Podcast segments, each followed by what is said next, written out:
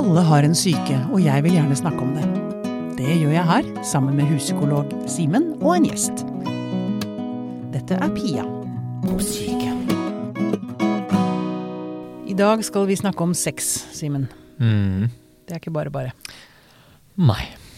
Det er rett og slett eh, Eller hva er grunnen, tror du, til at eh, det er så vanskelig?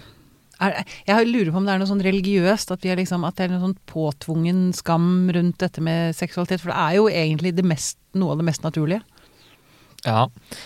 Det er um, kanskje noe av det mest naturlige vi driver med, men det er uh, for mange veldig flaut å snakke om. Mm. Jeg tror det er den um, flauheten og intimiteten og nakenheten i det som gjør det flaut og sårbart, Ja. framfor at det er noe sånn religiøs eh, skam, skyldgreie over det. Vi eh, har fått besøk av en sexolog som skal hjelpe oss å nøste gjennom dette vanskelige temaet. Eh, Velkommen til oss, Anders Rønneberg. Takk for det.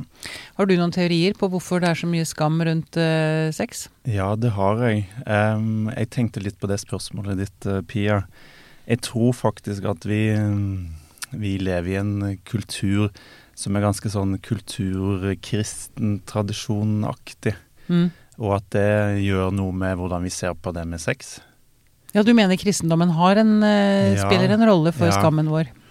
Eh, og jeg har jo selv vokst opp i et misjonsmiljø, så jeg er litt sånn inhabil i forhold til det. Men jeg tror Ah. faktisk eh, vi er ganske påvirka av rett og slett de ti bud, jeg. Ikke sant? Ja, eh, og for eksempel budet om eh, det fjerde budet, at du skal liksom hedre din mor og din far, og da skal det gå deg godt, og du skal leve lenge i landet. Um, og det er ganske vanskelig å hedre noen som eh, kanskje også utsetter deg for veldig smertefulle ting, f.eks. overgrep. Mm. Uh, så det er, litt, det er noe med den kulturkristne historiske arven som uh, gjør ting ganske komplisert i forhold til seksualitet. Ja. Men Eh, så jeg skulle gjerne skrevet om det budet. Du skal hedre ditt barn, og det skal gå deg godt, og du skal få leve lenge i landet. ja. Ja. Ja. Det skal jeg Så- ikke, skal men jeg jeg ikke krangle tror, på. tror den kulturen vår gjør oss ganske dømmende, og det er mye tabuer i forhold til det med seksualitet. Ja, nettopp. Ok. Um, du uh, sier at Altså, du jobber som sexolog. Mm. Og hva gjør en sexolog? Sexologi er jo på en måte fag eller læren om menneskelig seksuell atferd og holdninger. Så sånn i praksis, når folk kommer til meg, så har det blitt vanskelig det med seksualitet. Eh, jeg liker å tenke på det at det har skjedd ting som har forstyrra en sånn god utvikling av seksualiteten. da. Og det kan være forskjellige ting. Det kan være eh, alt fra overgrep til at en har vokst opp i familie hvor det er veldig skambelagt, det med, med sex og kropp og seksualitet.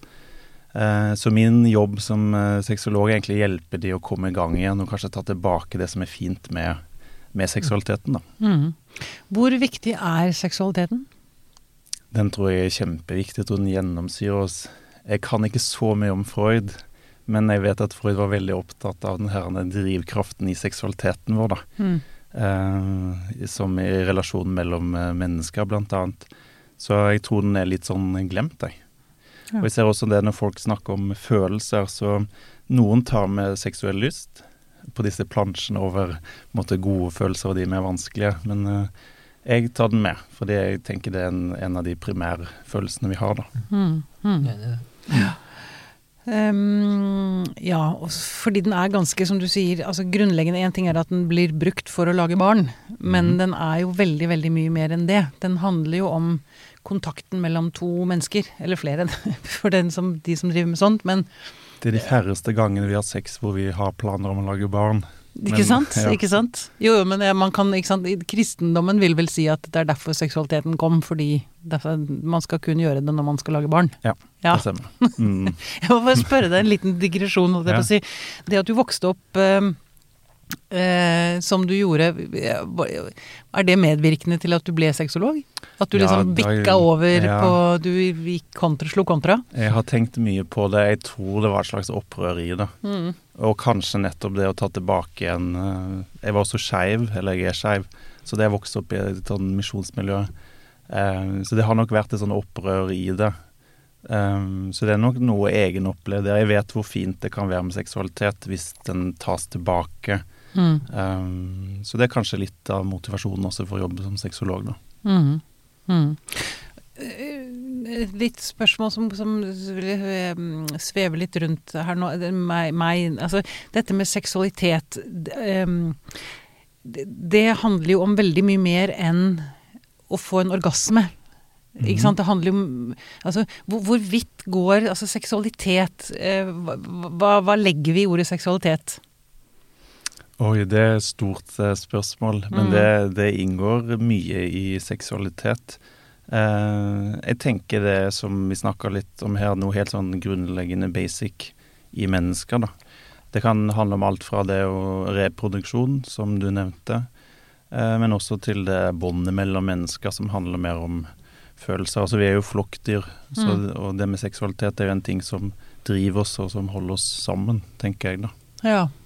Mm. For, for det er egentlig Altså, seksualitet er jo nesten Altså all fysisk kontakt, eller psykisk kanskje, som, altså, som gjør deg kåt. Er, altså, jeg, jeg må bare prøve å avgrense det litt. Grann.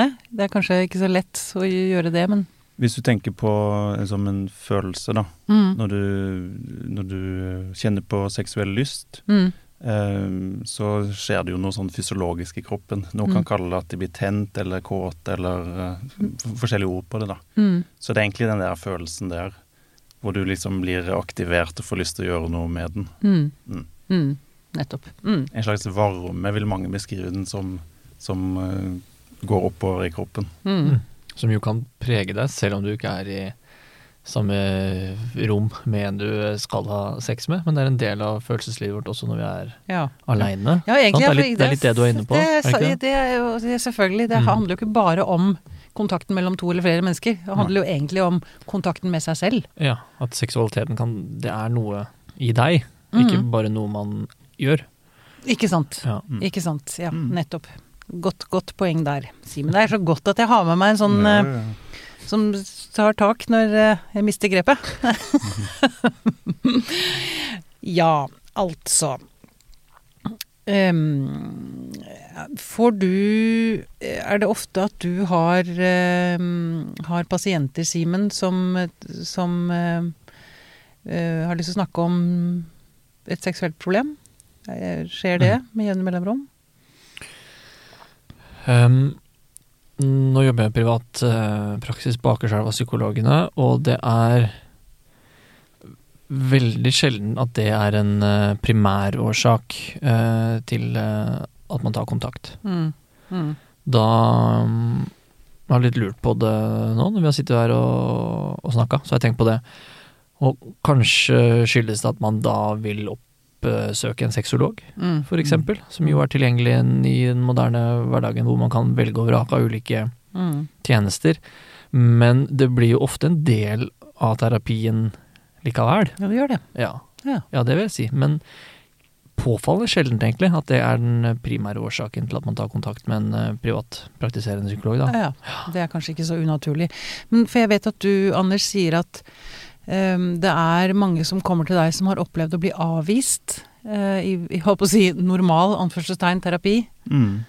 av andre terapeuter når de har lyst til å ta opp noe seksuelt. Ja, Og det kan nok være litt sånn tosidig. Den ene delen handler nok om at de opplever at det ikke er noen sånn tillatelse til å ta opp det temaet, da. Det er kjempeavhengig av terapeuten, tenker jeg. Men for noen så blir det veldig Altså jeg tenker det er liksom det næreste, mest intime du kommer inn på et annet menneske, er jo mm. det med sex, kropp og seksualitet, da. Mm. Um, så noen terapeuter har nok en, en sperre der også.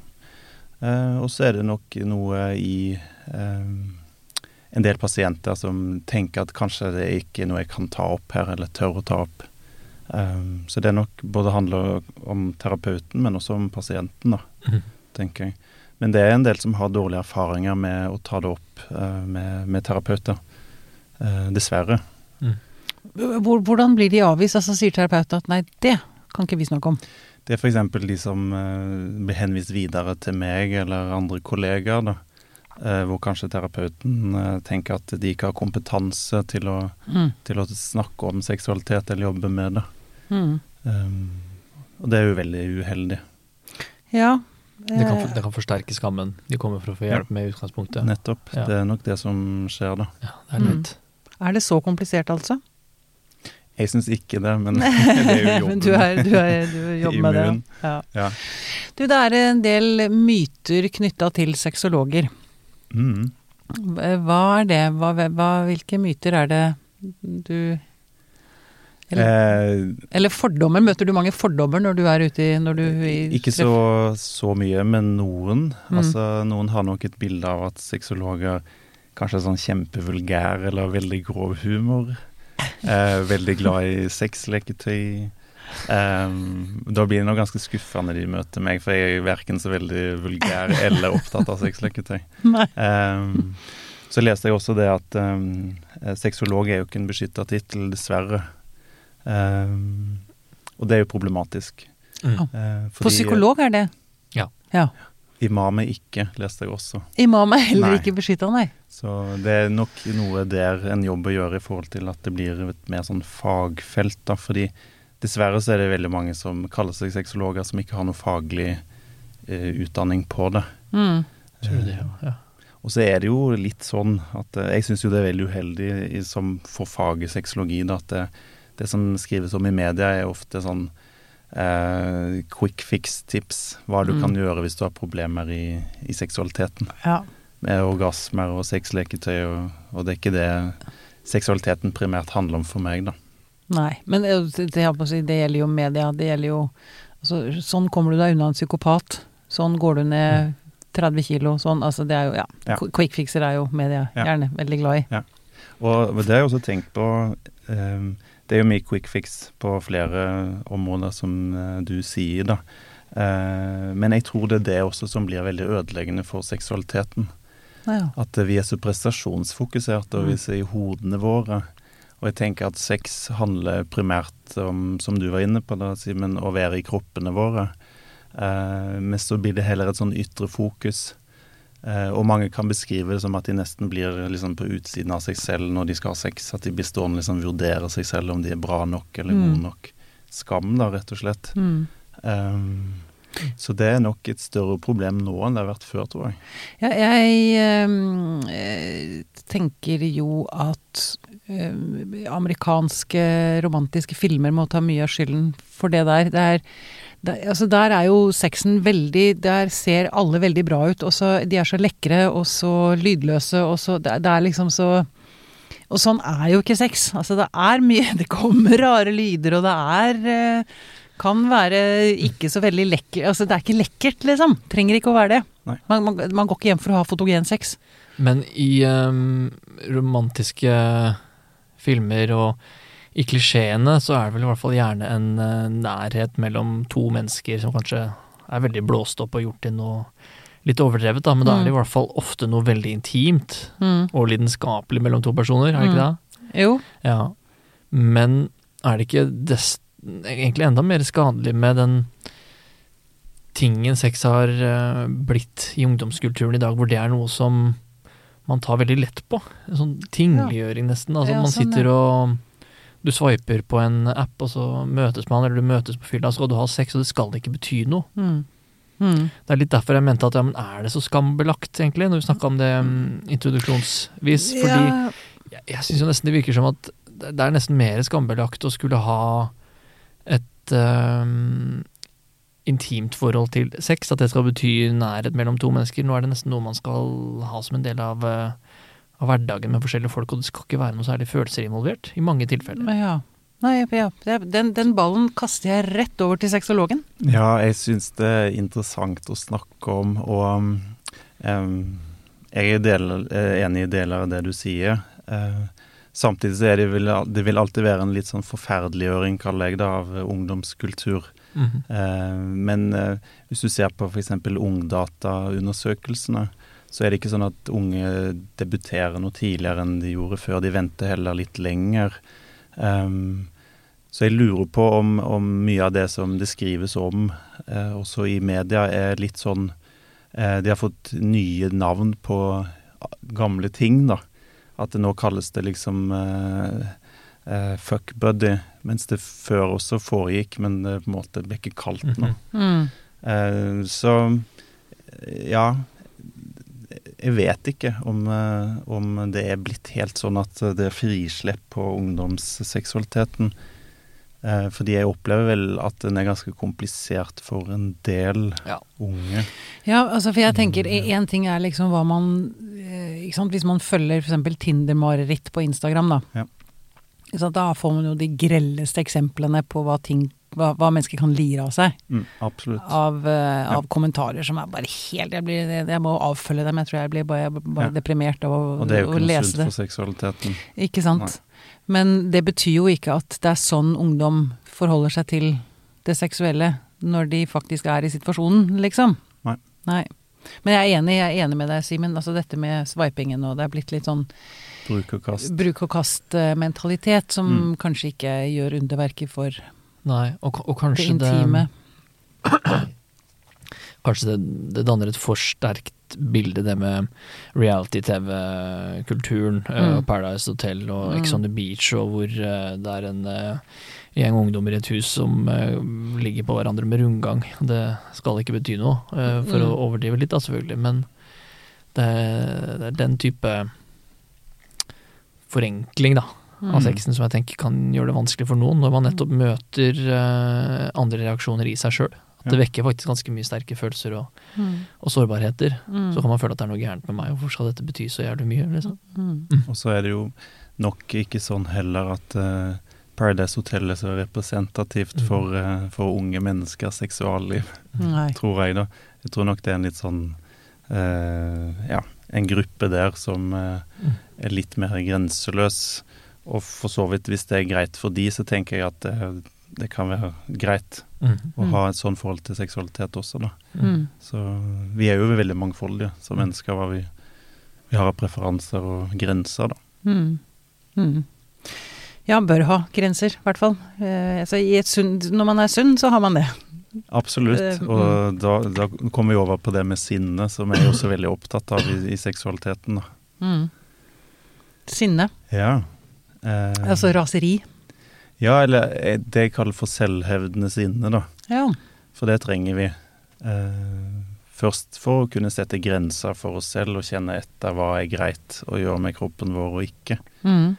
Eh, Og hvis du ikke har kontakt med det selvhevdende sinnet, så er det vanskelig å sette grenser. Mm.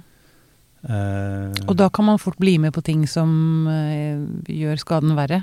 Absolutt. Mm. Hvis du ikke har lært deg at uh, sinne er en grei følelse, eller at den skal uh, guide deg, Mm. så blir det komplisert, da. Mm. Mm. Og så er det også veldig viktig med selvhevdende sinne i forhold til å rett og slett å uh, bruke det som en kraft når du skal ha sex. At du liksom ønsker noe, eller at du har et drive eller har et mot. da. Mm. For å kunne be om noe, så må du også være ganske modig, eller liksom hoppe inn i det. Mm. Så Det selvhevdende sinnet må være sterkere enn skammen som prøver å holde ja, igjen. nettopp. Ja. nettopp. Så nei, jeg, jeg er veldig opptatt av å snakke om sinne også. Mange kan få litt sånn bakoversveis når det blir så viktig del av eh, eh, kanskje en terapi, da. Men eh, jeg tror det er en følelse som er kjempeviktig i forhold til det med seksualitet. Ja. Eh, ja, jeg, eh, er, jeg, jeg ser Jeg skjønner hva du mener. Um, jeg, har, jeg har lyst til å si Kan du snakke mer om det, for jeg har ikke noe oppfølgingsspørsmål. noe konkret. Nei, men altså um, Hvis man sliter seksuelt, da, Ja. er, er det noe av det første du da uh, begynner å, å liksom nøste i, er aggresjonen eller sinnet? Nei, egentlig ikke. Hva, hva er det Hva skjer hvis jeg kommer inn til deg og sier første time, liksom? Ja. Nå, jeg øh, syns sex er skummelt, eksempel. Mhm. Eh, da vil jeg nok liksom utforske det litt sammen med deg. Hva er det som er skummelt med det? Hva legger Mm. du i skummelt? Mm. Eh, Men jeg ville nok ganske raskt gått inn på hvordan, hva er det som er det emosjonelle problemet ditt med det. Mm. Altså, hva er det med sex som gjør at det blir eh, skummelt, da. Mm. Um, fordi mange kan jo komme inn og presentere mer sånn praktiske ting.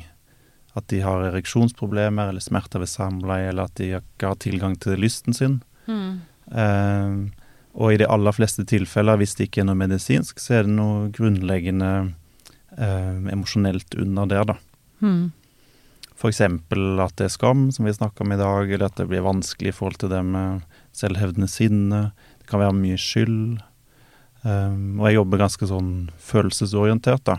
Fordi seksualitet handler jo om følelser i kroppen. Mm. Eh, emosjonene der. Mm. Så Og er det sånn at hvis, hvis man har et seksuelt problem, så er det stort sett psykologisk? Altså at det er, det ligger, det, det er følelsesmessige problemstillinger som ligger bak?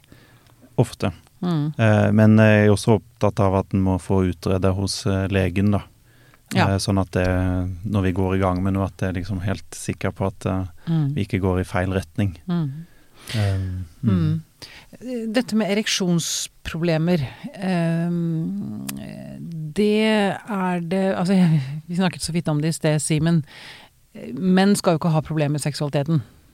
Det, altså, de, de skal bare ville alltid, hele tiden. Stå parat. Stå, stå parat, bokstavelig talt. Mm. Men det gjør man jo, det gjør de jo ikke. Nei. Det, ereksjonsproblemer er eh, ganske vanlig. Ja. Eller, ja, jo, ganske Ja. vanlig. Det, også hos unge gutter. Og det tenker jeg, uten at jeg jo vet det i og med at jeg er kvinne, men det vil jeg tro må være ganske skambelagt. Veldig skambelagt. Det Mhm. er min uh, erfaring. Det er vel den seksuelle problemstillingen som jeg har møtt oftest uh, i terapirommet, i hvert fall. Ja. Og da er det jo som regel ikke noe eh, hormonelt eller problemer i blodomløpet som skal eh, Sånn som forstås. hos, Da er det psykologien, eh, Mm. Som det kan være hos eldre menn, ja. Mm. Da er det psykologien eh, bak. Ja. Det um, å ha et bilde av seg sjøl om en som skal eh, stå parat da, med en gang du eh, tar av deg buksa, uavhengig av hvor godt du kjenner den andre Mm. personen, eller hvordan du føler deg, eller uh, hvor trygg du egentlig er. Mm. Så blir jo det en uh, sånn selvforsterkende sirkel, Mm. fordi uh, den angsten en kan kjenne på da, selv om den godt kan være litt fornekta, at man ikke kjenner seg så veldig redd, så kan kroppen ganske, være ganske aktivert allikevel. Mm. Og da merker du at ikke du får den reaksjonen du ønsker deg med en gang, som gjør deg mer stressa, og da får du det i hvert fall ikke til, og du blir distrahert, og du kommer ut av deg sjøl, sånn som du beskrev i stad, syns jeg var veldig effektiv Mm. illustrasjon, at du står på en måte utafor og ser Ja. deg sjøl som et sånt observerende Ja. øye. Og det er vanskelig, altså, Mm. for Og hvis, mange å ta opp. ja. Og hvis det først har skjedd én gang, så blir vel gjerne skrekken bare sterkere og sterkere for hver gang. Mm. man sliter, eller så blir nesten Ja. blir man som en panikkangst. At man blir Ikke sant? Og som panikkangst så. Vil du jo da unngå den situasjonen hvor du fikk panikkangst i mm, sist. Mm, Og med denne problemstillingen så kan du jo da ende opp med å unngå, unngå sex, da. ja. Unngå nærhet, unngå å komme i den situasjonen hvor du kan møte den eh, skammen igjen. Mm. Det er jo veldig leit, og det er det mange som kan være fastlåst i mange år. Mm. Er du ikke enig? Dette, dette Jo, absolutt, det- kjenner du selvfølgelig igjen, Anders. Ja. Mm. Så, og det er, jo, det er jo noe med å normalisere det også. At um, dette er jo noe de fleste menn opplever i løpet av livet, i mer eller mindre grad. Uh, jeg, som jeg nevnte i stad, så jobber jeg jo veldig mye sånn kroppslig, altså hva skjer i kroppen hvor seksualiteten og følelsene våre sitter, da. Mm. Uh, og det jeg ser går igjen, da, både det kan være med ereksjonsproblemer, det kan være smerter ved samleie f.eks., det at uh, det blir en veldig sånn går rundt med mye spenninger i kroppen. Mm. Og når vi er spente, eh, så eh, får vi fort både smerter og ereksjonsproblemer. Ja. Eh, og ofte, da, den spenningen, vi kan kalle det det, eller vi kan kalle stress eller angst, altså en bruker litt forskjellige begreper rundt Mm. det, eh, så har han ofte da litt sånn kolliderende følelser. F.eks. når en begynner å kjenne på lystfølelsen, Mm. så aktiveres det en annen følelse. Som er angst. Ja, eller det kan være skam eller skyld Ja, ja. eller andre ting, da. Mm. Um, så da er det jo å, å, å se hva, hva som skjer i kroppen, da. Mm. Um, Og det du gjør da, når du, når det er, da er det jo to sterke følelser som du sier står i konflikt. Og da jobber du egentlig Da må du jobbe med skammen, eller med skylden, eller med sinne eller Sinne. sorgen. Eller. Ja, nettopp. Ja. Er det stort sett fra barndommen dette kommer, liksom? Altså Ja, det handler mye om eh, tilknytning og hva du har lært om sex, og hva du har med deg av erfaringer. mm. Og så blir det ofte aktivert i nye relasjoner. Så du kan liksom um, um, det vi ønsker i nye relasjoner, er jo nye, friske følelser. Mens det aktiveres hele tiden sånne gamle følelser, da. Ja. Eh, og jeg ser det veldig klart i forhold til å jobbe med par og seksualitet. Mm. At det er mye som kommer inn og forstyrrer, som egentlig ikke har noe med denne relasjonen å gjøre. Mm. ja. Nettopp. Så f.eks. For i forhold til å jobbe med lystproblematikk, da. Mm. Ja, eh, du- skrev eh, til meg at du har en del Altså du jobber jo både med enkeltpersoner og med par. Mhm. Og at uh, nå har det, det har kommet flere og flere par som sliter, eller som sier at de elsker hverandre, men de har ikke lyst på hverandre, eller de har ikke sex. Og at det har blitt forsterket gjennom covid og lockdown og sånn. Ja. Hva, hvorfor, hvorfor det? Det er mange som kommer inn, og så forteller de at de har, eh, de har bare gode følelser overfor hverandre. Eh, men de kan ikke skjønne at de ikke vil ha sex. Mm. Um, og jeg tror det er litt sånn misforstått, òg, eller iallfall min opplevelse i parterapi, da, at det går ut på at en bare skal kommunisere sammen og forstå hverandre. Og, men for å ha en seksuell tenning, så trenger du også en avstand. Eh, du trenger et mysterium, du trenger å være nysgjerrig på den andre. Og når vi er utrolig mye sammen og skal dele alt med hverandre, så blir det vanskelig, rett og slett. Ja. Så jeg tenker på Det ble jo litt sånn eh, Bare sånn bilde på det, da. Men det, du kan se for deg et par som går tur sammen. Samme treningsklær, samme sveis, samme briller. Kanskje til og med har en hund som ligner, ligner på det. ja. Det er jo ikke så sexy. Nei. Så vi trenger å være litt sånn nysgjerrig på den andre. Ja. Så jeg tenker Noen mener jo at en skal dele alt, f.eks. av seksuelle fantasier med hverandre, men det, det tror ikke jeg er bra for seksualiteten vår. Nei. Mysteriet er eh, viktig å beholde, ja. Ja. Tenker du at det er kanskje derfor utroskap eh, oppstår ofte? Fordi der får man eh, et mysterium, Mm. eller noe nytt, eller noe ja, Det tror jeg kan være en av grunnene. Det handler egentlig ikke om at man ikke elsker den man er sammen med, men at man rett og slett Mm. At det er noe Ja. Det er spenningen som Og før var det nok litt sånn at uh, du hadde eh, De bruker vel det begrepet. Før så hadde du på en måte en hel landsby til å ta vare på de forskjellige behovene med vennskap og eh, Altså du Nå er det på en måte kun partneren din som skal fylle behovene. mm, Eh, så i tillegg til å være bestevenn skal du også være elsker, og den er ganske vanskelig Mm. å kombinere. Ja. Så for, for noen par så handler det faktisk om å skape litt mer avstand og litt mer frihet. Mens for andre så er det selvfølgelig det motsatte, da. Få de til å begynne å kommunisere og komme med seg. at den parinstitusjonen har blitt så viktig, og Ja. så, eh, så altomfattende i manges liv, hele sentrum av tyngdekraften i tilværelsen. Mm. Jeg tror det. det. Ja, Mm. det er jeg helt enig i, og det er et interessant poeng. Ja, det er ikke nødvendigvis den beste grobunnen for uh, seksuell lyst på hverandre. God Nei. sex, nei. Eller mm. Ok, men hvordan eh, Hvis man da har grodd sammen Hvis man har vært sammen i 15-20-30 år og går i samme treningsdress og spiser sammen og hører hverandre på do Det er bare ikke noe mysterium igjen. Hvordan, eh, hvordan får man det tilbake, da? Hva er Altså, eh, Nå skal vi begynne med de triksene, VG-triksene. Ja. Da blir det quick fix. Quick-fixen. Mm. Nei, ja, men hva, hva, Altså, hva jobber du med da? Ja, det er jo viktig å si at um, noen har jo på en måte tilgang til sin lyst selv om de er kjempenære og ligner på hverandre. Og, Mm. mens for andre så um, uteblir lysten da, eller den blir forstyrra.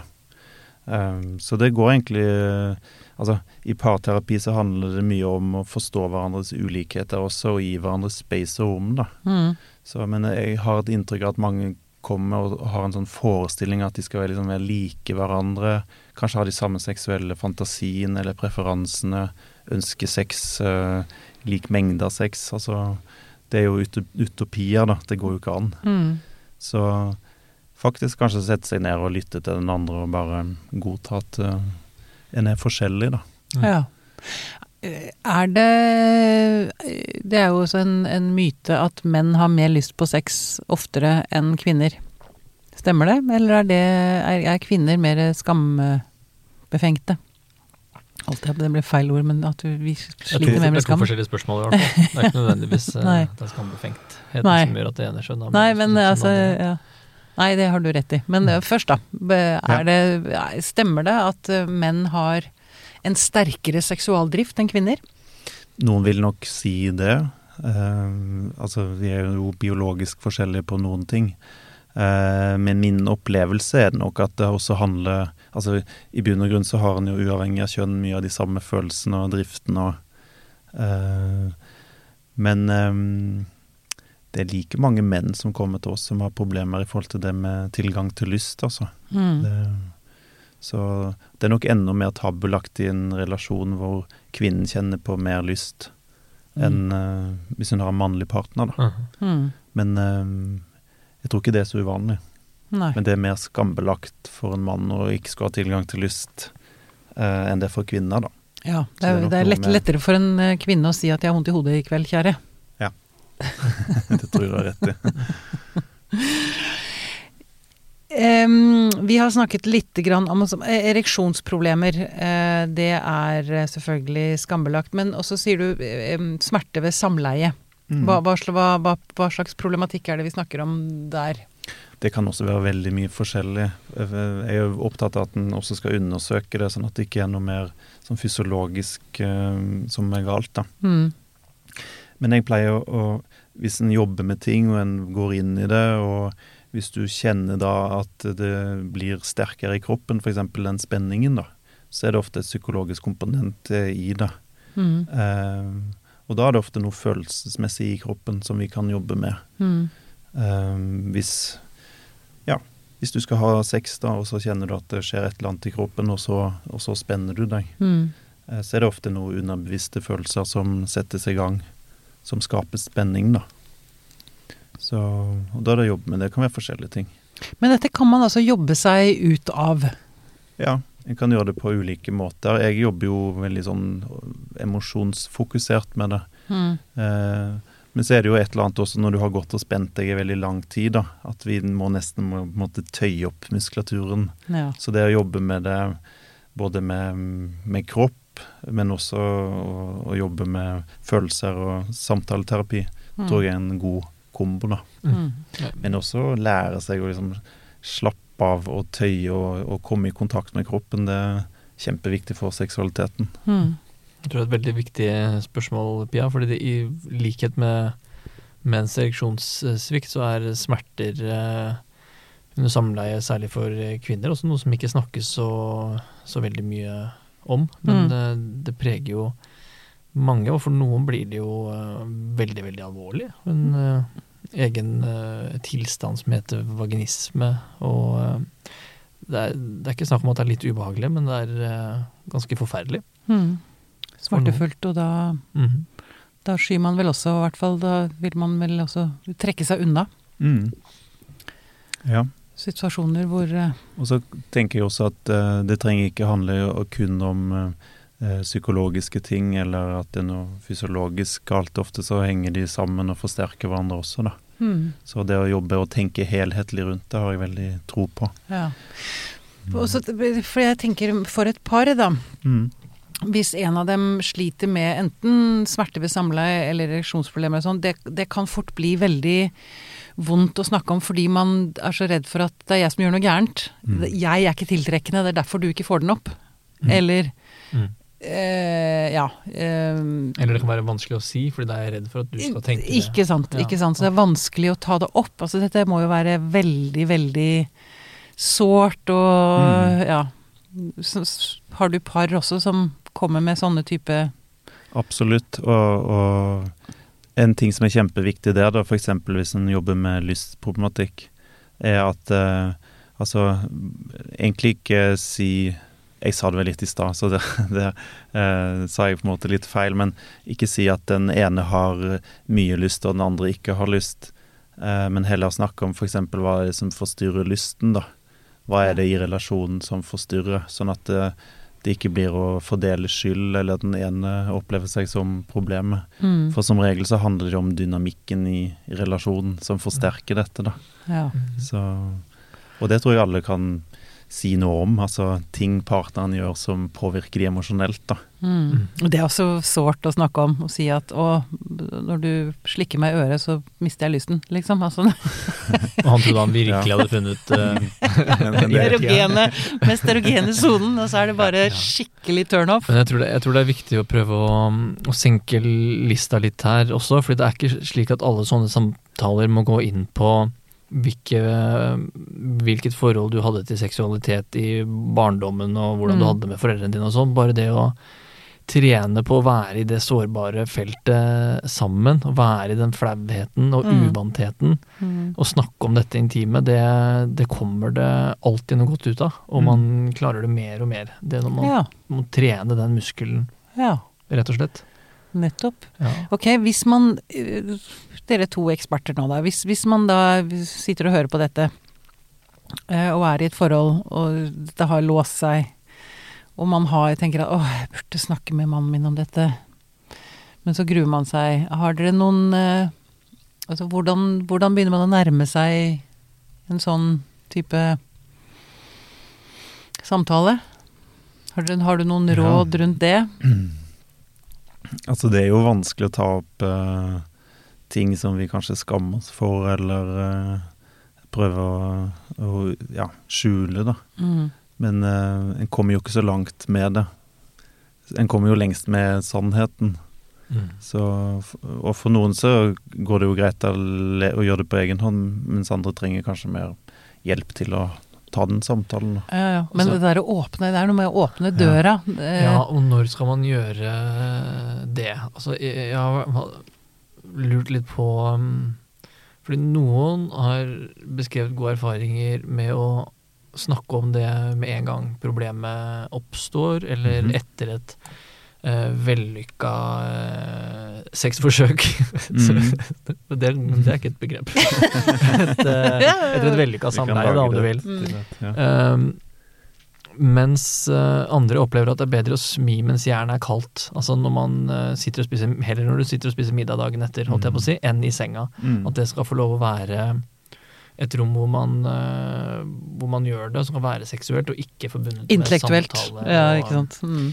Ja, ikke, ikke intellektuelt, så noe vanskelige samtaler, i hvert fall. Ja. Um, Ja, en må holde munn når en har sex, tror jeg er et sånn go- godt prinsipp. da. Ja. Ja. altså, jeg er enig med deg der. Du Mm. kan på en måte snakke i hjel sexen. Mm. Uh, så det tenker jeg, jeg tenker er et godt prinsipp.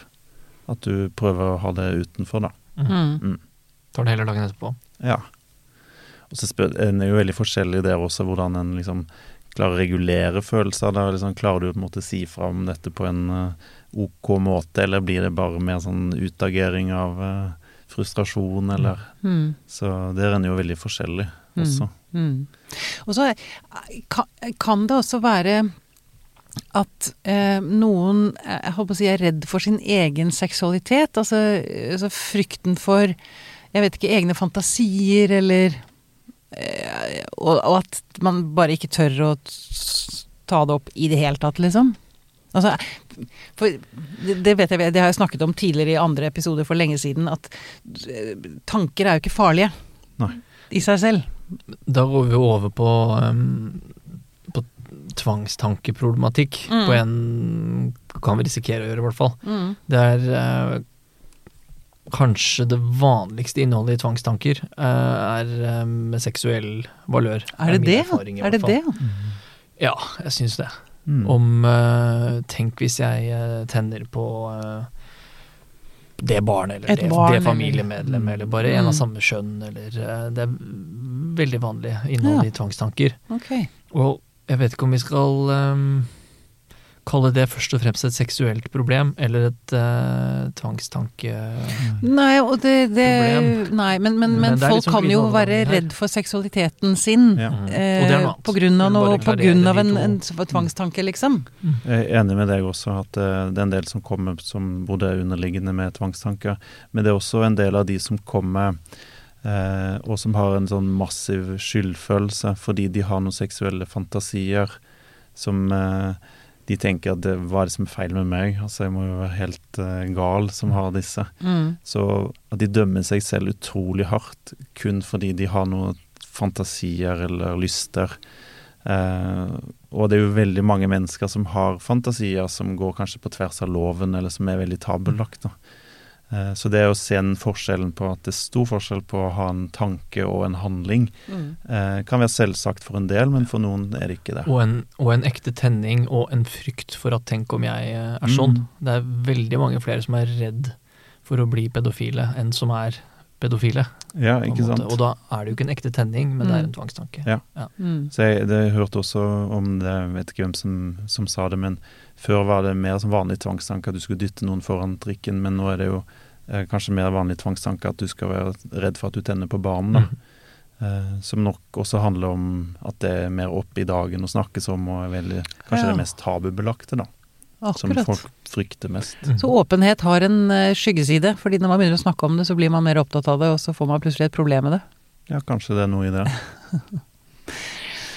Em, dette med orgasme har jeg også lyst til å snakke litt om, for det, eh, det, det er kanskje mest hos kvinner at det er et problem at man ikke kommer. Mm. Og det, det er vel kanskje samme type problematikk som ligger under der, eller? Altså det er følelsesmessige spenninger, at man Ja. Forventningspress, eller Det tror jeg ofte er saken. mm. Mitt inntrykk også når det gjelder orgasmeproblematikk hos kvinner, er jo at noen også mangler kunnskap om det. Mm. Eh, men nå, nå er det jo ikke så vanskelig å finne den kunnskapen som det var før, da. Mm. Eh, ja, så det, en del av det er nok eh, det med kunnskap. eh, Mm. og så er det det med å kanskje gi seg tillatelse til å få orgasme. Tillatelse, ja. Ja. Akkurat. Det er ikke så lett å skulle ha gode følelser overfor seg selv eller nyte seksualiteten sin hvis du f.eks. tenker at du ikke fortjener å kjenne på sånne gode ting, da. Ikke sant. Så det kan være en ting som forstyrrer. Ja, nettopp. Mm. For nå har vi vel, det husker jeg var mye snakk om da jeg vokste opp, dette med at menn trodde at eh, bare en, et, en penetrering gjorde at kvinnen kom. Ja. Og det, sånn funker det jo ikke. Det, men det er vi forbi nå. Det vet folk stort sett, eller? Eh, jeg, jeg vet ikke. Jeg blir litt sånn miljøskadd også som sexolog.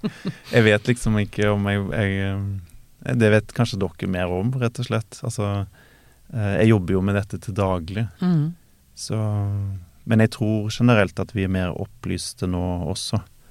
Så vi har bedre grunnlag for å kunne forstå det, men Mm. jeg vet ikke Men- hva dere tenker. Nei, eh, jeg tenker Jeg lurer også på ikke sant, Jeg er jo blitt såpass voksen mm. eh, at eh, Jeg tror Altså, menn på min alder kan dette. Eller ikke selvfølgelig, ikke alle, det, det vet jo ikke jeg. At de ikke lærte Ja, kanskje, kanskje. Men Kanskje at vi- yngre menn er eh, studerer det eller har større forståelse for det. det. Det er bedre ungdomsundervisning i Ja. dag enn i gamle dager når du var ung. Au! Det, det som blir Ja, det tror jeg det er, selv om det, den er nok ganske mangelfull på en del skoler i dag også. Mm. Ja. Det som er mer utfordring i dag, tror jeg er jo at vi blir jo veldig influert av porno. Ja. Um, og jeg tror ikke porno er roten til alt ondt, men, uh, men jeg ser den gjør noe med seksualiteten vår. Som vi jeg var inn, inne på sånn innledningsmessig, da, at uh, den gjør oss ganske sånn prestasjonsfokusert. Mm. Og det er mer teknikk og ikke fokus på det å være til stede i seg selv, da. Det blir veldig prestasjon, at du skal liksom være god og um, Ja. Og da blir du veldig i hodet. Og når du er i hodet, så er du jo ikke så til stede i kroppen. Nettopp.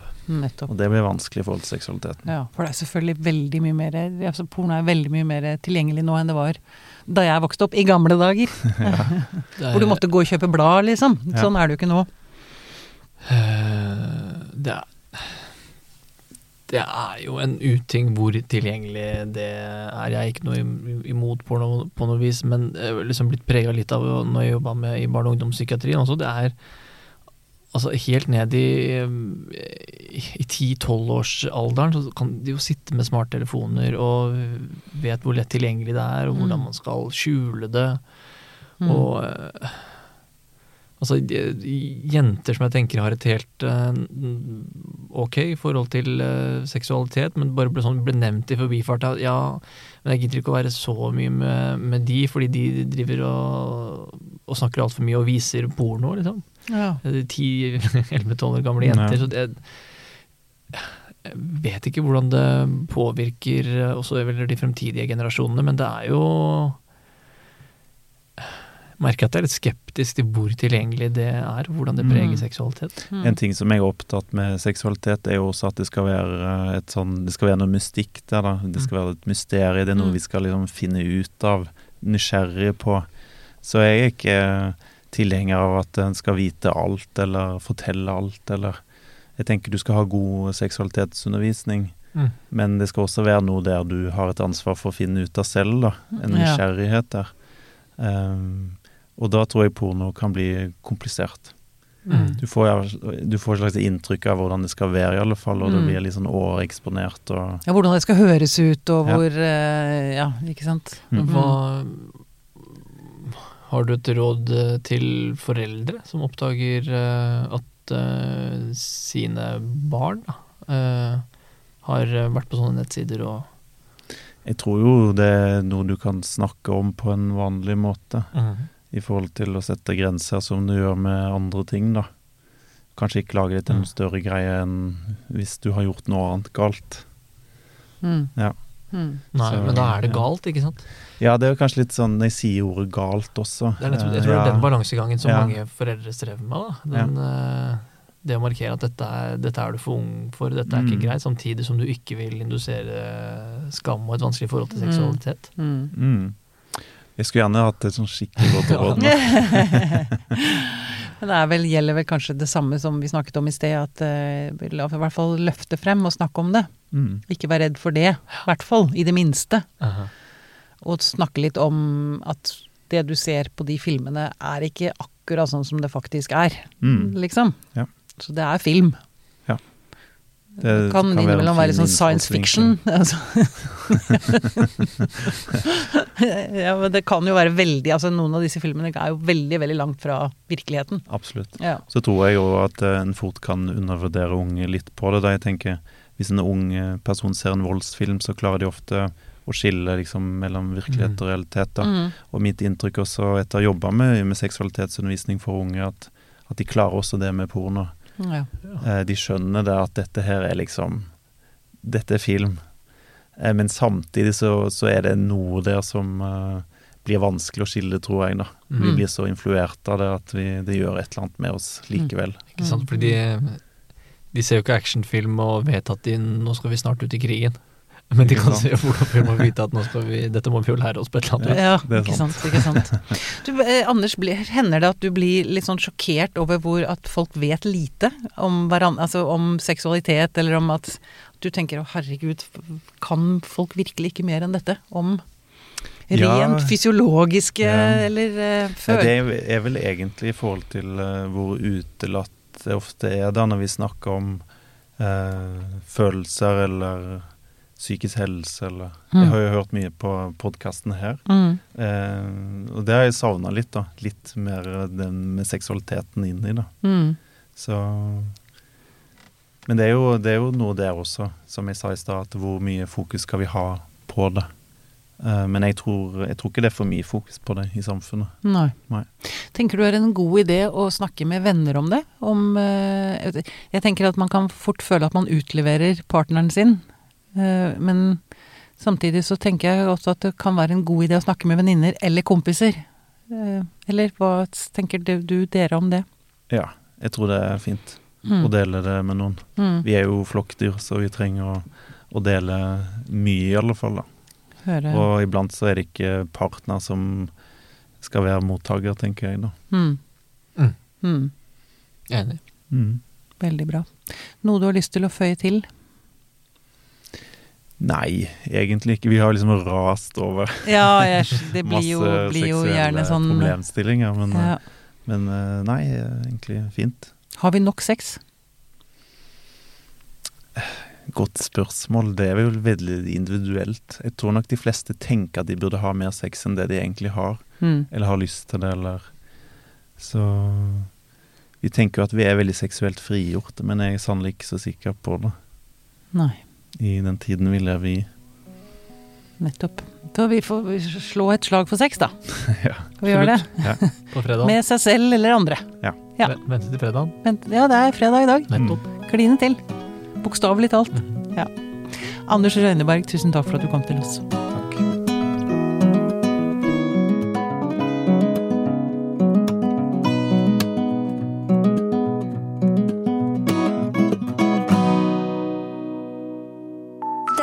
Podkasten er produsert av Tid og Lyst. med støtte fra stiftelsen Kåre Berg.